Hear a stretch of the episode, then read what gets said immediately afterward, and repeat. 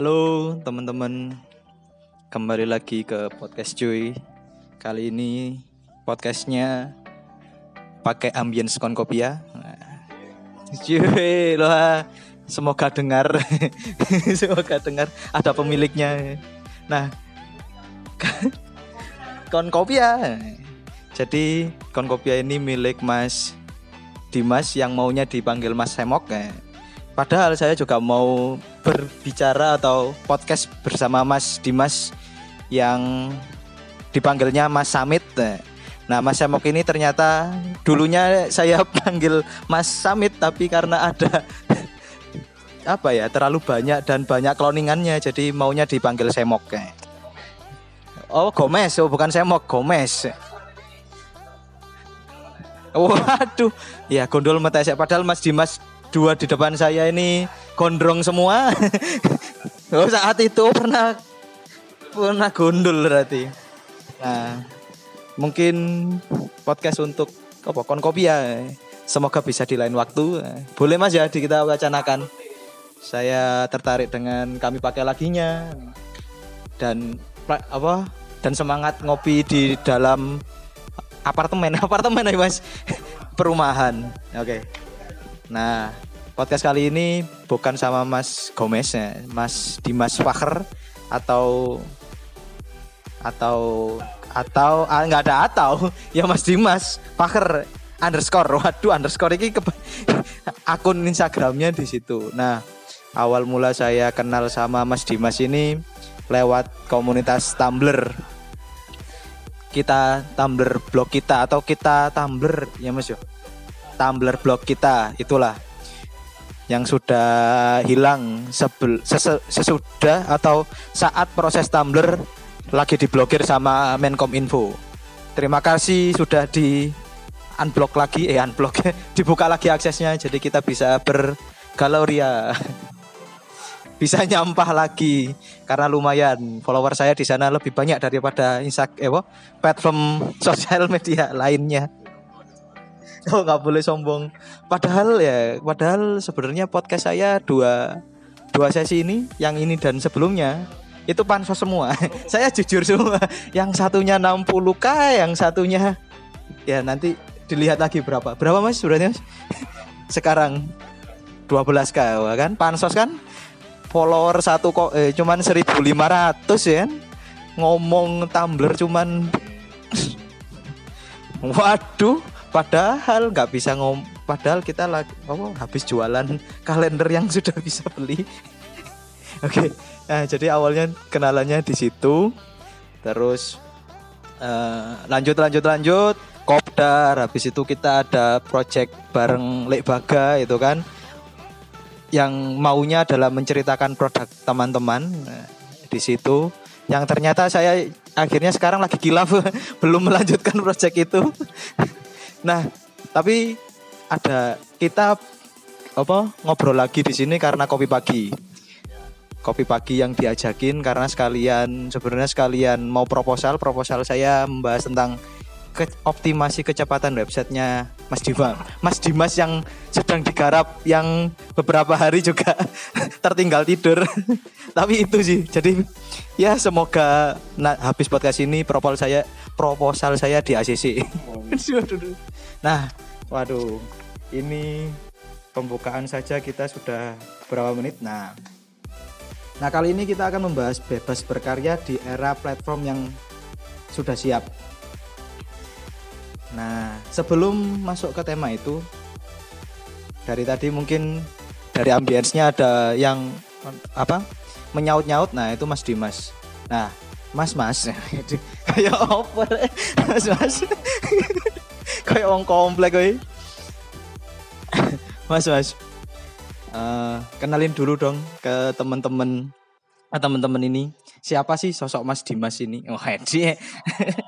Halo teman-teman, halo teman-teman, welcome to podcast cuy, podcast cuy, podcast. Halo, nama saya Dimas Fahrudin. Tak cekelin nas, tak kenas, wangi. Halo. Nama saya Dimas Fahrudin teman-teman. Terus eh, apa ya? Eh, saya sebenarnya oh, enggak sih. Eh, aslinya Malang gitu. Kalau misal mau tahu lebih jauh ya cari aja di Instagram @dimasfakhر underscore.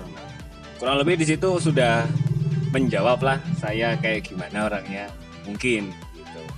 Terus ya oke di deskripsi nanti dicari. Hmm, oke terus lanjut apa nih?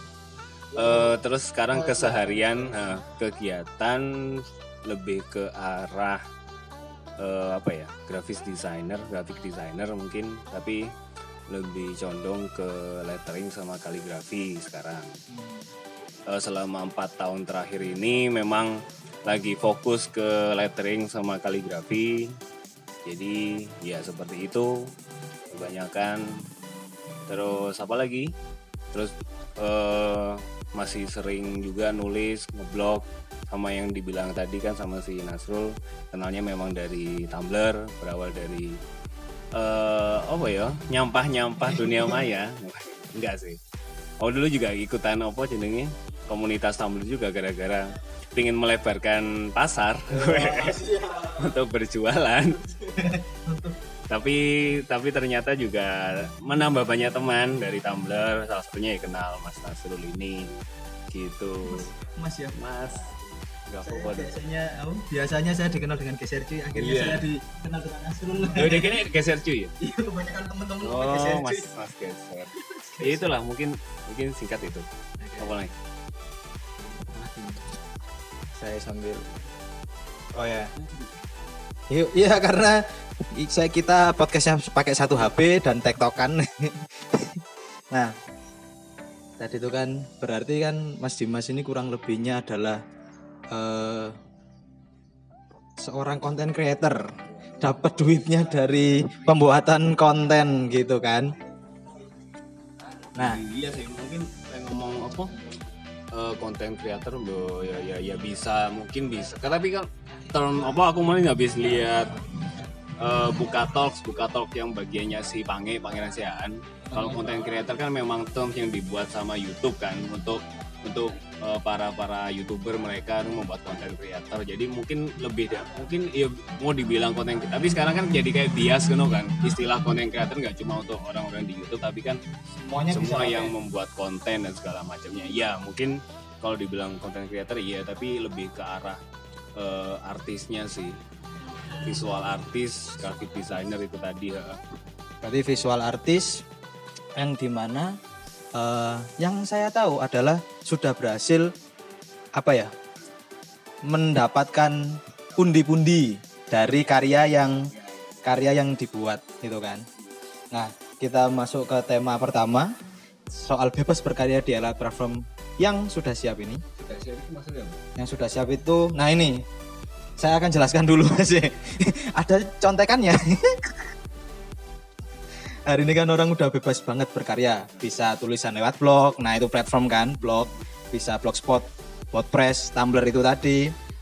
Terus foto-foto bahkan sekarang bisa video sebanyak satu menit dan snapgram di instagram dan teman-temannya musik atau podcast seperti yang kita pakai ini di Spotify atau kita lagi sama-sama berjuang atau melebarkan sayap lagi distribusi podcast lewat anchor.fm nah ini dan audiovisual via YouTube atau kalau mainstreamnya TV kan gitu kan. Tapi kalau TV kan untuk berkarya kita sangat sulit untuk masuknya. Nah menurut pandangan Mas Dimas gimana nih? Udah banyak banget platform yang tersedia dan gratis. Nah gimana pandangan Mas Dimas tentang fenomena ini Maksudnya kalau dari dilihat dari segi apa ya variasi platform kan banyak kan. Mungkin beberapa plat- platform juga eh, jatuhnya hampir mirip-mirip. Ada yang bisa nge-share apalagi kalau sekarang kan kok nge-share foto nge-share foto video audio terus dan segala macam kan memang hampir mirip semua. Tapi kan tiap platform juga punya ciri khasnya masing-masing gitu kayak eh, misalnya kalau ambil contoh kayak Instagram.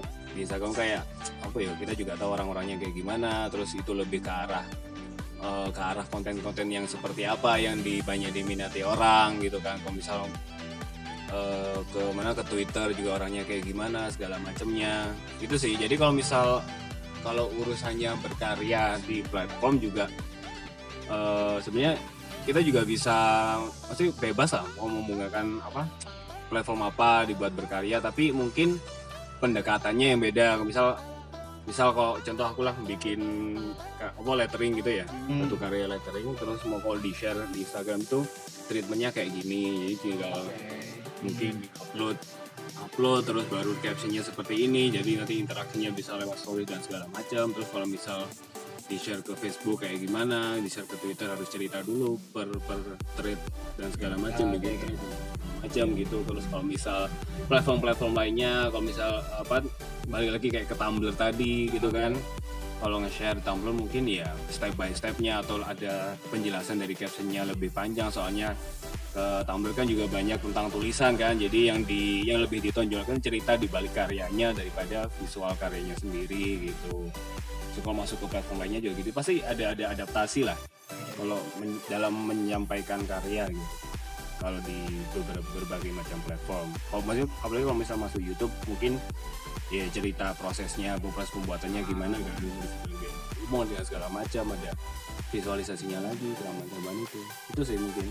Jadi tiap platform juga banyak eh, banyak kelebihan dan kekurangannya. Jadi ya kita harus tahu lah tiap platform ini maksi, bisa dimaksimalkan dari segi apanya dulu. Baru habis gitu bis- kita bisa masukkan karya kita sesuai sama di platform itu loh. Jadi bisa lebih biar bisa lebih maksimal lah Sesuai dengan platformnya. sesuai dengan platformnya sesuai dengan ya karya itu tadi dibuat untuk apa gitu. Berarti kan eh, sekarang teman-teman yang mau berkarya kan bisa menentukan sendiri, memilih sendiri banyak pilihan lah. Bisa tulisan, bisa podcast seperti ini, bisa audio visual kan gitu ya. Hmm. gantung itu tadi su- sukanya di mana passion wah passion opo passion passionnya di mana ya itulah Ingin dimulai dari awal dari mana dulu? Oke. Oke, kita jeda. Waduh. Dengarkan kita ada jeda. Dengarkan ini bahasa Indonesia. Tumben ada ada jeda. Ya biar meningkatkan kualitas podcast.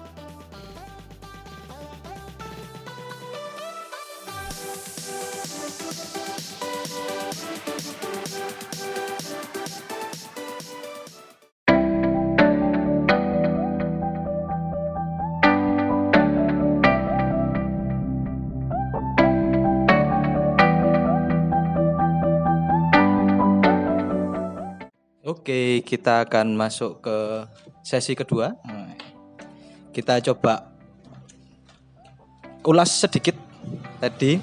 Kan berarti Mas Dimas sudah oh, menggunakan berbagai macam platform untuk berkarya.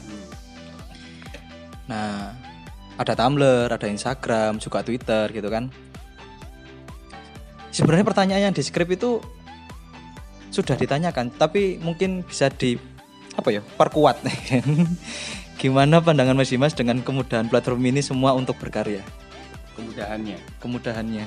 Ya maksudnya jadi yang yang apa tau omongkan ke barusan tadi kan kayak tiap-tiap platform juga punya eh, kelebihannya masing-masing itu pasti juga ngasih kemudahan gitu toh.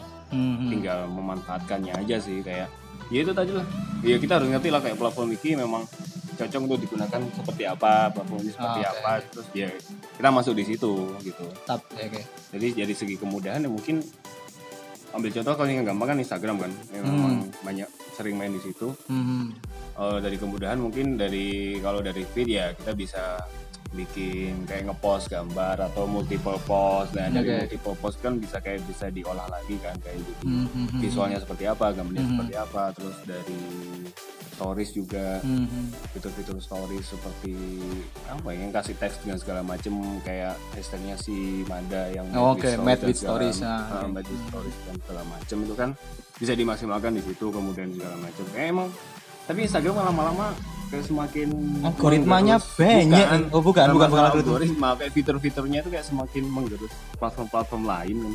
Oke dia mencaplok lah. Seperti kayak Facebook emang kan? emang punya emang punya Facebook. Kan? Facebook kita coba recap Facebook. Eh, dulu nggak punya apa? Fotonya redup foto naik Instagram dicaplok. Hmm. chat naik karena WhatsApp WhatsApp dicaplok. Ah. Habis ini podcast naik wah Uhuh. terakhir itu saya ngobrol sama Mas Stefan podcast belum ini ya kan ternyata untuk ini untuk mendapatkan duit lewat video itu nggak hanya YouTube Facebook juga Iya. bisa Facebook kan udah lama toh. ah Maksudnya Facebook kan pakai kayak Facebook Ad dan segala macam kan ramai. nah itu ya saya baru tahunya gitu jadi ya itu ternyata ya nam- mereka juga apa ya ATM tapi still like an artist mencuri seperti artis lah Ya, Oke.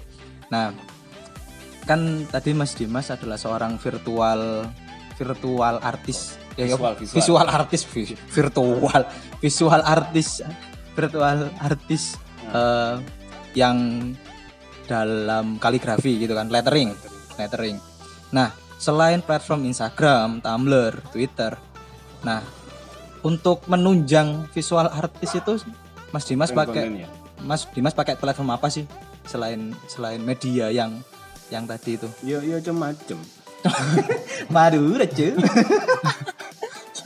Ya, enggak maksudnya kalau misal katakanlah ambil satu karya gitu ya, kalau mau aku misal mau ngepost satu karya nih, eh misalkan soalnya eh, ada beberapa kayak sendiri aku menyadari juga bukan bukan kayak lettering artist atau kaligrafer yang punya ciri khas banget di karyanya. Oke. Saya nggak men- mengkhususkan diri di situ gitu Nah. karena sadar lah angel kan soalnya, jadi saya lebih mengkhususkan ke cerita di balik karyanya. Ya itulah kenapa kalau misal lihat di mana Instagram tuh banyak kebanyakan yang saya upload itu captionnya kan panjang-panjang kayak cerita Ah, keresahan lah. keresahan di balik karya itu tercipta. Tiap karya pasti ada keresahan di dalam. Oke oke. Jadi mungkin itu jadi eh, caranya mungkin kalau yang di Instagram gitu ya tinggal ngepost captionnya mungkin caption secara keseluruhan Mhm. garis besarnya lah Garis di besar. caption terus misal eh, kayak behind the scene-nya kayak proses-prosesnya tak share di stories Hmm. plus mungkin ada beberapa postingan stories yang ada ceritanya itu tadi gitu Hmm. ceritanya terus jadi beberapa shot juga atau Oke. beberapa misalnya kan juga sering bikin kayak video-video highlight Nah ya. waktu proses-proses proses-proses mutunya pembuatan. Oh mutu. pembuatan juga kayak Oke, proses oke. presentasi kan biasanya juga Hmm. tiap nulis kan habis itu ditata di layout sedemikian rupa jadi itu tinggal di foto potret press selesai gitu eh juga nggak nggak ya aku juga jarang sih kayak bikin eh, karya yang kayak digital gitu Jarang. Iya Kepaling- mungkin tergantung beberapa kebutuhan khusus kalau misal ada permintaan kayak dari klien-klien segala macam kan pasti digital. Oke, Tapi oke. kalau untuk kayak nge-share nge-share kebutuhan karya-karya personal gitu, Hmm. kayak aku lebih milih moto langsung gitu sih. Habis nulis terus Habis mutu. nulis terus ditata di layout sedemikian rupa buat presentasinya terus difoto, edit baru di post. Di post. Gitu. Nah, Oh. mungkin nge-share-nya di situ. Jadi kayak proses waktu ngambil pengambilan angle dan segala macam itu yang coba aku ceritakan di stories. Nah, Oke oke. ya biar orang-orang kan karena kan Instagram sekarang kan jarang kan kayak orang-orang lebih sering ngelihat stories sekarang daripada ngelihat Ya feednya. betul Iya betul. kan?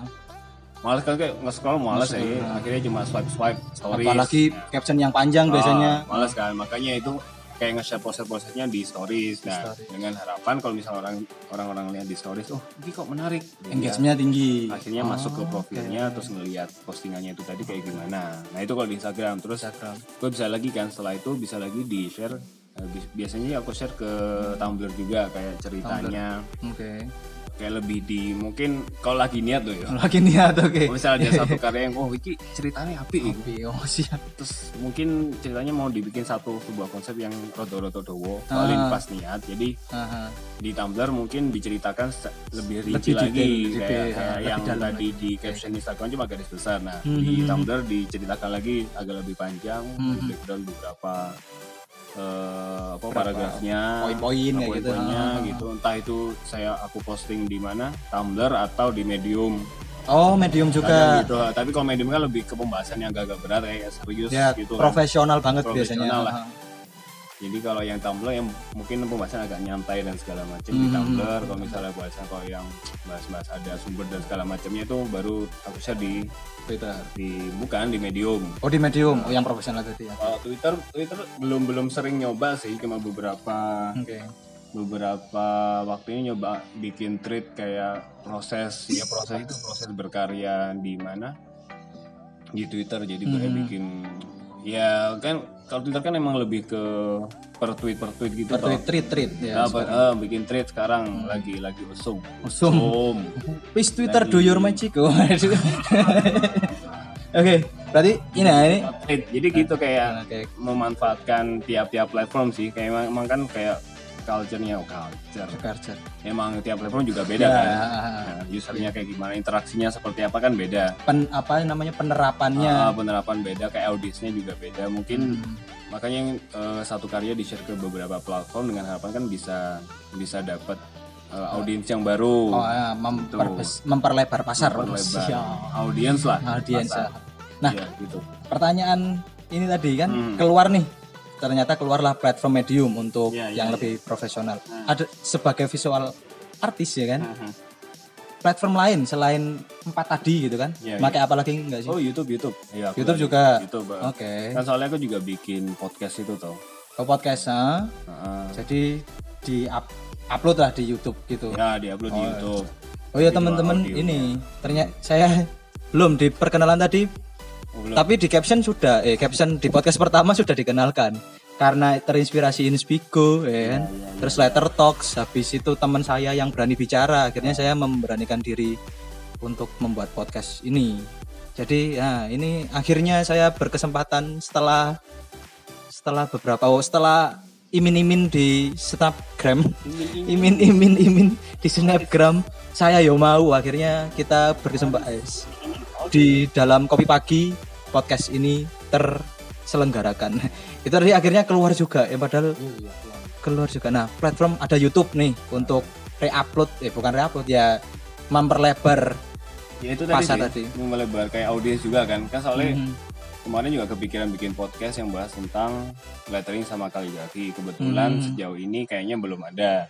oke karena betul memang ya karena aku fokusnya di dunia itu terus Hmm. kayak ah pingin bikin podcast sih sebenarnya udah mulai tahun lalu sih kayak 2016 17 17 mungkin Iya, lah lama. bikin podcast tapi ah apa ya daripada awalnya sempet mau bikin podcast tentang kehidupan kehidupan oke soalnya menyesuaikan kayak banyak cerita soal keresahan dan segala macam kan Ah. jadi pikir oh kehidupan terlalu general ah oke gak semua hidup juga ada masalahnya Oh, Woy. iya. padahal semua selalu ada ya masalah Padahal tiap hari sambat Iya.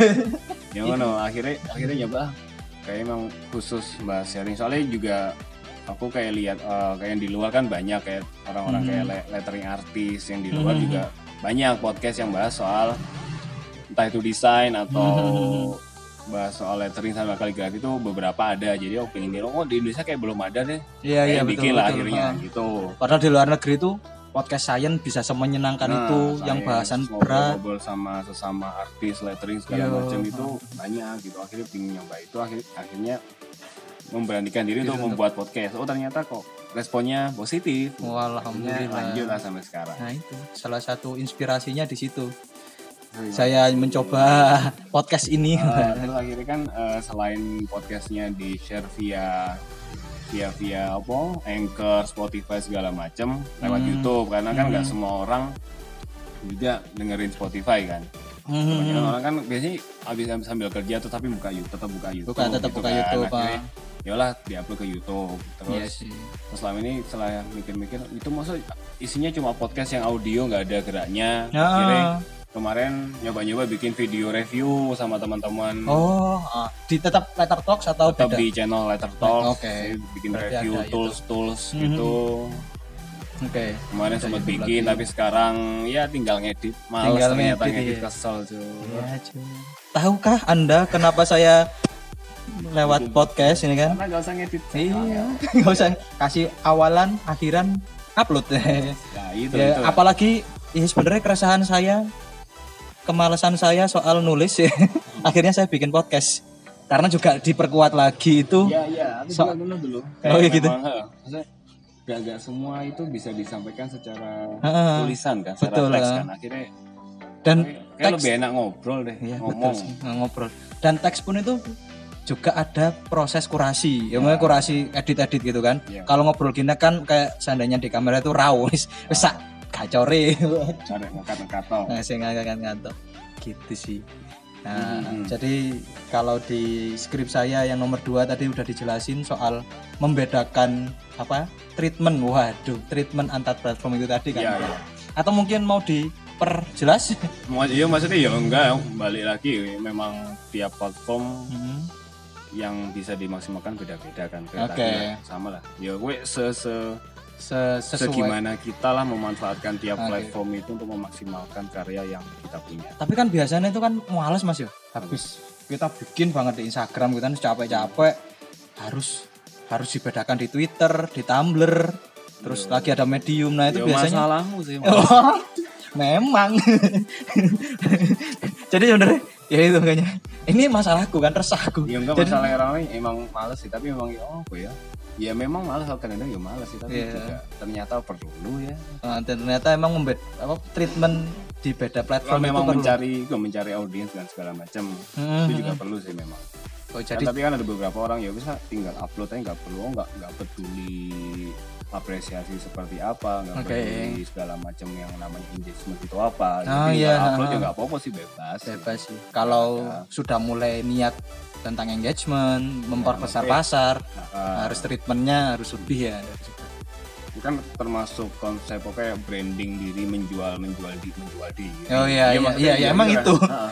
Jadi eh, kebanyakan kan memang kayak desainer atau artis-artis gitu kan karyanya bagus tapi makanya ada beberapa yang kurang bisa untuk mempresentasikan karyanya Ya, atau menjual menceritakan karyanya, eh, kan. menceritakan karyanya seperti Oh. apa gitu sih siap siap. Kayak permasalahan beberapa orang juga seperti itu gitu kan Iya, males banget. Makanya kayak kayak saya yang banyak resahnya nih, wis disamain aja dulu. Hmm. Ikutin apa itu anekdot pasar bisa diciptakan. Waduh. pasar bisa diciptakan pasar bisa diciptakan tapi iya sih mas daripada mungkin bisa kayak misal kita udah punya beberapa platform nih Hmm. daripada malas-malas disamain aja nggak apa-apa sih Heeh. Ya kan ada ya kan se- se- sambil jalan kan sambil akhirnya ngerti kan celah-celah celah-celahnya di selagi mau evaluasi dan Hmm. apa namanya inovasi untuk terus lanjut. Celah-celah kan melihatnya, heeh. melihatnya kalau youtuber youtuber youtuber youtuber lainnya kan dia ngelihat oh bikin teaser wah sosok teaser deh YouTube-nya padahal potongan dari full Nah, videonya. bisa. Oke, seperti itu. Kita tutup platform. Nah, selanjutnya kita akan ngebahas soal eh, gimana, waduh gimana sih. Jadi ketika hobi sudah menjadi apa namanya? Ketika hobi sudah menjadi profesi, nah ini ternyata ada cara yang ya, perspektif baru dari Mas Dimas agar kita tidak stuck ke saya tertarik ya maksudnya saya sangat apa ya namanya awesome lah dengan fil fil filsafat ya ngomong ini. Atau ya, filosofi ini. Kita lanjut di sesi selanjutnya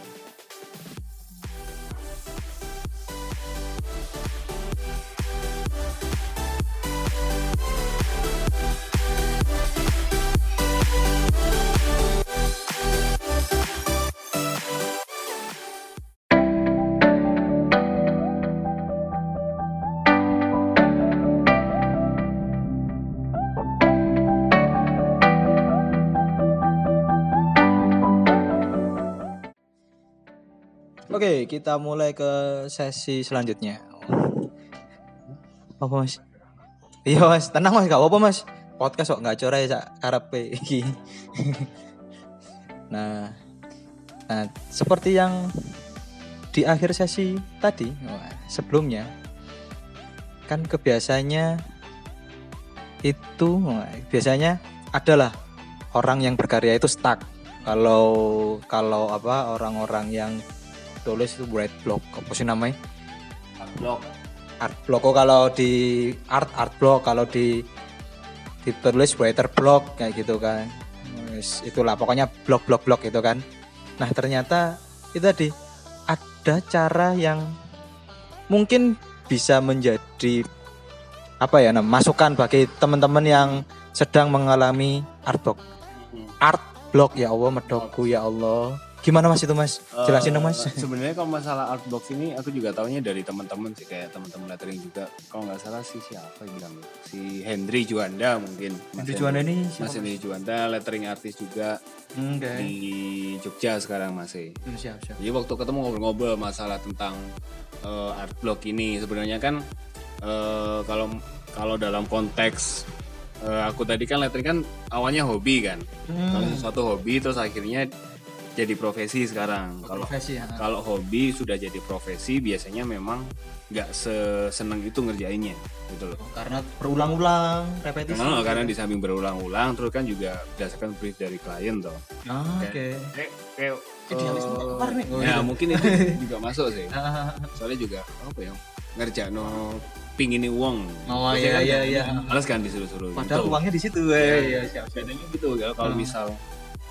eh, apa jenenge art block itu tadi kalau misal hobi udah jadi profesi pasti suatu saat pasti bosen ada gitu karena memang ada jadi tuntutan kan bukan Ah. jadi sebuah Happy ya. hal yang menyenangkan gitu Hmm, betul, kalau betul, yang awalnya hobi kan cuma berdasarkan kesenangan sendiri wah Hmm, hmm, hmm. apa pun kita mau kan bebas tapi kalau Oke. misal udah jadi profesi kan ada beberapa yang harus kayak deadline waktunya kapan ngerjain ya, profesionalisme kan ada di situ gitu nah untuk menanggulangi hal itu biasanya kalau memang belum siap hobimu itu jadi profesi jangan Oke. dulu gitu. Jangan dulu. jangan dulu Jadi mending cari profesi yang menghidupi. Ah, jadi cara lainnya mungkin misal misal profe- profesimu sekarang kerjanya apa tapi kamu punya hobi ini kan tapi karena kamu belum siap kalau hobimu nanti jadi profesi ya tetap aja kerjain yang sekarang itu dikerjain sambil kalau misal ada waktu luang tetap ngerjain hobi dengan cara serius tapi Oke. tetap tetap menyenangkan karena Ah. belum ada tuntutan Karena belum ada. nah sambil nyelengi buat bisa hidup dengan hobi itu tadi Oke. masih kerja kerja yang sekarang itu gitu. Hmm. jadi jangan jangan ke susu-susu lah jangan ke terburu-buru Eh, Ke susu-susu itu bahasa Ya, Jawa. Eh, Enak-enak ya jangan lanjutin. Ya, itu. Nah, sebagai contoh. Sebagainya toko eh, lanjut aja kalau misal Oke. hobimu ternyata udah jadi profesi dan itu memang jadi apa ya target utama gitu lah jadi Mhm. pendapatan utama penghasilan utama jadi mau nggak mau kamu harus cari hobi yang lain gitu loh hmm, misal ternyata suka gambar terus gambar jadi hobi eh, jadi profesi Oke. setidaknya kamu punya hobi lain entah itu sepedaan kah Oke. ha. bermotor main motor ngulik apa ngulik apa itu jadikan hobimu lagi jadi buat Hmm. refreshing kalau misal hobimu yang menggambar ini jadi profesi jadi penggambar ini tadi stuck gitu kamu Hmm. tahu mau lari ke mana biar refreshing kan tujuan awalnya hobi juga buat refreshing tuh Nah, tuh jadinya cari hobi lain lah Oke. kan hobi banyak toh mungkin Hmm. kan kayak kita juga semakin ke sini kan kayak interestnya semakin berkembang Semakin berkembang. Iya, banyak iya. insight yang masuk terus oh Hmm. akhirnya tambah tambah ke sini ternyata suka ini padahal Nah. dulu nggak pernah suka hal itu terus ternyata Hmm. suka ini gitu. Oke. Ya, kalau contoh dari aku itu kayak Mas Erik Sukamti. Wah, itu Hmm. saya suka lihat apa? Andalan. Dosnya das Yes. Dari- profesinya adalah musisi, Ah, hobinya banyak banget Iya. dari passionnya di Nah, musisi Hmm, posisi musik ya driving, apa diving, ya kan? diving, Terus jadi audiovisual, director dan segala macam. Jadi dia bisa apa namanya ya, memanajemen manajemen waktu manajemen waktu sama manajemen itu namanya stack stacknya fokus fokus fokusnya fokusnya itu keren banget sih.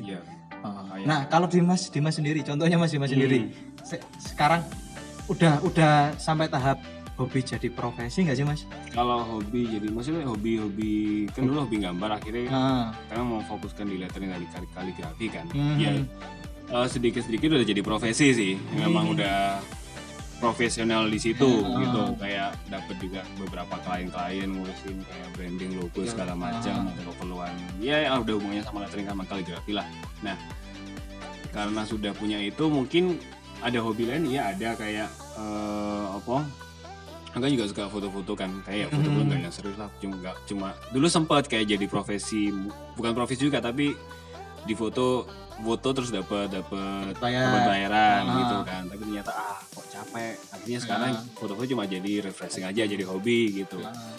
Pemerkuat tadi yang habis berkarya terus difoto. Oh, nah itu kan karena memang suka moto akhirnya Ah. di situ bisa bisa digabungkan sama Iya. yang profesi yang lettering segala tadi. macam. tadi ada di situ masukannya tapi kalau selain itu juga mungkin kalau misal susah nih nggak oh bingung hobiku yang lain apa. Aku Hmm. cuma cuma suka gitu kadang kan ada Hmm. waktu ada Ah. satu waktu kayak ngono atau nggak punya hobi Hmm. lain. Akhirnya mungkin dibedakan aja. Mungkin ada kalau ambil contoh kan kayak yang gampang diaturin lah karena aku di situ loh misal yang ke- kerjaan klien tuh seperti ini terus mungkin refreshingnya yang ngerjain proyek pribadi. Oke. Um, mungkin kayak ngambil dari contoh terms dari Home Lauren Home di artis di Amerika nggak salah Lauren Home dia ada namanya passion project gitu loh Hmm. kayak jadi kita bikin project yang ya cuma sesuai diri kita aja kayak sukanya Oh. apa misal kalau kalau ambil contoh kayak lettering misal sukanya tentang bahas-bahas masalah sepak bola ya udahlah passion projectnya bikin karya lettering yang hubungannya sama sepak bola Oh. mungkin sama satu klub tertentu tetap lettering cuman cuman beda Sesuai dengan hobi, Nah, ya. jadi jadi kan nggak ada tuntutan tidak tuntutan nah. misal kayak aku aku sukanya Liverpool gitu ya Oh, oke karena bikin lettering kayak tentang Liverpool segala Hmm. macam karena jadinya kan karena memang itu udah suka terus hobi jadi nggak nggak ada beban refreshing Oke, jatuhnya ah, refreshing gitu refreshing. tapi yang untuk kerjanya tetap kerjaan klien Hmm. tetap tapi ya deadline dan segala macam nggak boleh profesional lah ya nggak Ya, boleh ya, nggak namanya boleh lolos, ah. tapi di samping kalau misal lagi stuck stuck bisa larinya ke situ ke situ mungkin itu kayak kayak ya tinggal ngatur manajemen fo- fokus dan waktunya aja sih. Manajemen fokus dan waktu. Oh. kayaknya bisa. Podcast ini panjang kalau seandainya Iya, banyak ternyata ya yang bisa diulik ya kan? Kalau bisa kalau misal kalau misal punya eh, hobi yang lain malah lebih enak kan kalau misal Ah. lagi stuck tinggal main ke mana. Oh ya. Misal, eh, kayak Nasrul kan kayak lagi stuck tinggal ngopi ngopi ke mana. Oh ya hobi akhirnya tidak jadi profesi. Eh Eh, jadi hobi lagi ngopi lagi ya kan? iya iya iya akhir Ya. mampir kedai-kedai kopi Ya. coba-coba kan jadi refreshing juga ketemu Refreshing, banyak betul. orang juga Per- ya sih. baru silaturahim baru dapat jalur rezeki baru kayak gitu sih keren keren ya kayak seandainya dulu itu kalau saya dulu kan sekarang kan saya programmer kilaf jadi iya, dulu kalau programmer programmer teman saya sih eh side jobnya profesionalnya program terus hobinya ngegame ya ngegame kita ngepes bareng dan segala macam itu sih caranya nge, nge-refreshing Iya, iya, iya. itu kan sesederhana itu juga bisa jadi Ya, hobi bisa, kan bisa, bisa. celatu-celatuan bareng Rasa-rasa. Enggak, Le. lanangku celatu-celatuan. Rasa-rasa Oh iya, ya, ya, namanya juga manusia kurang sempurna. Eh, nah untuk, nah itu kan udah keluar dari sa- sa- satu cara untuk keluar dari art block kalau seandainya di visual art gitu kan. Ya, di samping punya hobi lain ya keluar lah. Ah, kan kadang masalahnya orang-orang yang kayak hidup di dunia seni desain segala macam kan terlalu aduh pak sore aduh, maksud saya. Iya iya iya. maksudnya terlalu Takut, sering sering di depan komputer mungkin Ah. kan, atau di depan ya berkarya itulah kita komputer atau apa sampai lupa keluar sampai Ah, sampai lupa untuk silaturahmi Ya itu sih. kadang itu sih kayak kayak yang paling gampang lah keluar lah keluar main-main atau ngopi, Ngopi. ajak teman-teman yang lain ngopi Hmm. akhirnya dari ngopi kan agak ada obrolan-obrolan toh Heeh. Ya, dari obrolan Insight itu bisa baru. bisa menumbuhkan ide baru bisa Aha. menumbuhkan semangat baru buat mengerjakan lagi Iya iya iya, aku Itulah aku kerasa pokoknya. banget sih. Nah, Apalagi terakhir aku aku lagi-lagi aku keinget sama Eris Pamti emang ya. Yang soal rekamannya PW Gaskin hmm. projectnya buka bu- beli album fisik.com itu kan agar dia Gitu. keluar ya kan? Agar keluar biar out of the box. Ya caranya keluar dari box. Oh, kalau biasanya musisi boxnya adalah studio rekaman ya di studio tato kan PW Gaskin kan seperti itu. Apalagi ya, yang terakhir itu eh kok terakhir apa? Album yang terakhir itu kan rekaman di kapal. Iya waduh si Endang Si Sukamti Endang kan. Sukamtinya di kapal. Ya caranya out of the box ya keluar dari box. Seandainya teman-teman apa terkungkung di box atau seandainya di kantor di rumah kantornya di rumah atau di mana pun ya bisa silaturahim. Ya, nah, banyak banyak itu sih. Banyak banyak keluar lah banyak cara. Ya intinya kalau sederhananya adalah keluar dari box. Kalau boxnya studio keluar dari studio. Itu mungkin sekarang apa project apa maksudnya? Pekerjaan nomad apa sih namanya? Nomad nomad itulah. Itu kan dia bisa tetap Kerja nomaden. eh, iya apa sih? Apa namanya? Tuh waduh keluar. Eh, ya nggak apa-apa lah podcast podcast sendiri. Ya nomaden nomaden. Eh, waduh kok nomaden? Apa sih? Ya pokoknya nomad nomad itulah. Ya work nomad apa itu? Itu kan ya mungkin salah satunya adalah sekarang toh terbuka lebar soal job freelance di luar. Ya itu sih. Freelance remote segala macam. Heeh, remote juga itu banyak apa kafe yang punya apa wifi segala Ah. macam tempat buat kerja. Gitu. Hmm, makanya. Ya kan? Atau atau biasanya apa ya? Kayak gitu. Waduh. Lah teknisnya mencari jeda. Waduh apa itu? Nantilah nanti kita coba obrol yang ke ahlinya. Iya, iya. karena jeda itu perlu. Seperti podcast ini ada jeda-jedanya akhirnya. Wah. Oke. Akhirnya sampai di penghujung podcast. Waduh. Konklusi. Iya konklusi. Bukan konklusi. Ini masih tanya lagi sih mas. Sesuai dengan sebenarnya keresahan saya itu saya kan sedang di masa quarter life crisis. Waduh. Yang ternyata saya merasakan di mana banyak ide yang keluar gitu kan. Cuman wacana tok. Duh. nah Mas Dimas minta pandangan dari Mas Dimas deh yang yang dulu kan sudah keluar dari hal itu gitu kan? Belum. oh belum Mas Yan. Ya menguatkan lah untuk menguatkan kita kita yang ingin keluar dari quarter life crisis yang banyak rencana eh banyak banyak rencana cuman berujung wacana. Isu urusannya swambat tok wis. Gimana gimana? Enggak, maksudnya aku juga sering sih kayak gitu sering. Kayak Ah, kayak eh, sedikit-sedikit kayak bikin tiba-tiba kepikiran oh bikin ini bikin ini. Hmm. atau kepikiran wacana iki iki iki, iki, tapi akhirnya akhirnya nggak nggak jalan kan satu-satu hmm, karena terlalu banyak itu tadi. Terus Hmm. lupa kayak oh apa ya kapasitas diri sendiri seperti apa oh atau ya mungkin yo cara-cara cara menanggulangi ini bikin-bikin uh, goals besar sih mungkin. Kayak tujuan secara besar pingin nopo oke. visi lah ngomong ya ya apalah itu. Ya, maksudnya pingin jadi pingin dilihat sebagai apa atau pingin, pingin ah, jadi kayak apa gitu. Ini itu kan cara garis besar itu terus Hmm. akhirnya di breakdown satu-satu. Untuk untuk menuju hal itu kayak poin-poinnya harus ngapain harus Hmm. melakukan apa ini ini ini gitu. Jadi setelah setelah di breakdown di breakdown jadi poin-poin kecil akhirnya bisa dikerjakan satu persatu toh. ya Kalau misal gampang diraih kayak itu kan kalau misal kayak tujuannya lah katakanlah pingin jadi apa ya pingin dikenal sebagai influencer Waduh. visual art visual art oh, visual art kalau kamu ngambil kalau aku lah yang Iya, iya, iya. visual artis. Wah, oh nggak ngerti. Ya mungkin dari itu bisa bisa kayak yang diperlukan seorang visual artis itu apa kayak kemampuan untuk bercerita kemampuan untuk mengkonsep sebuah karya kemampuan untuk eksekusi segala Ah. macam promosi segala macam itu kan harus dilakukan toh nah dari itu kan bisa di breakdown.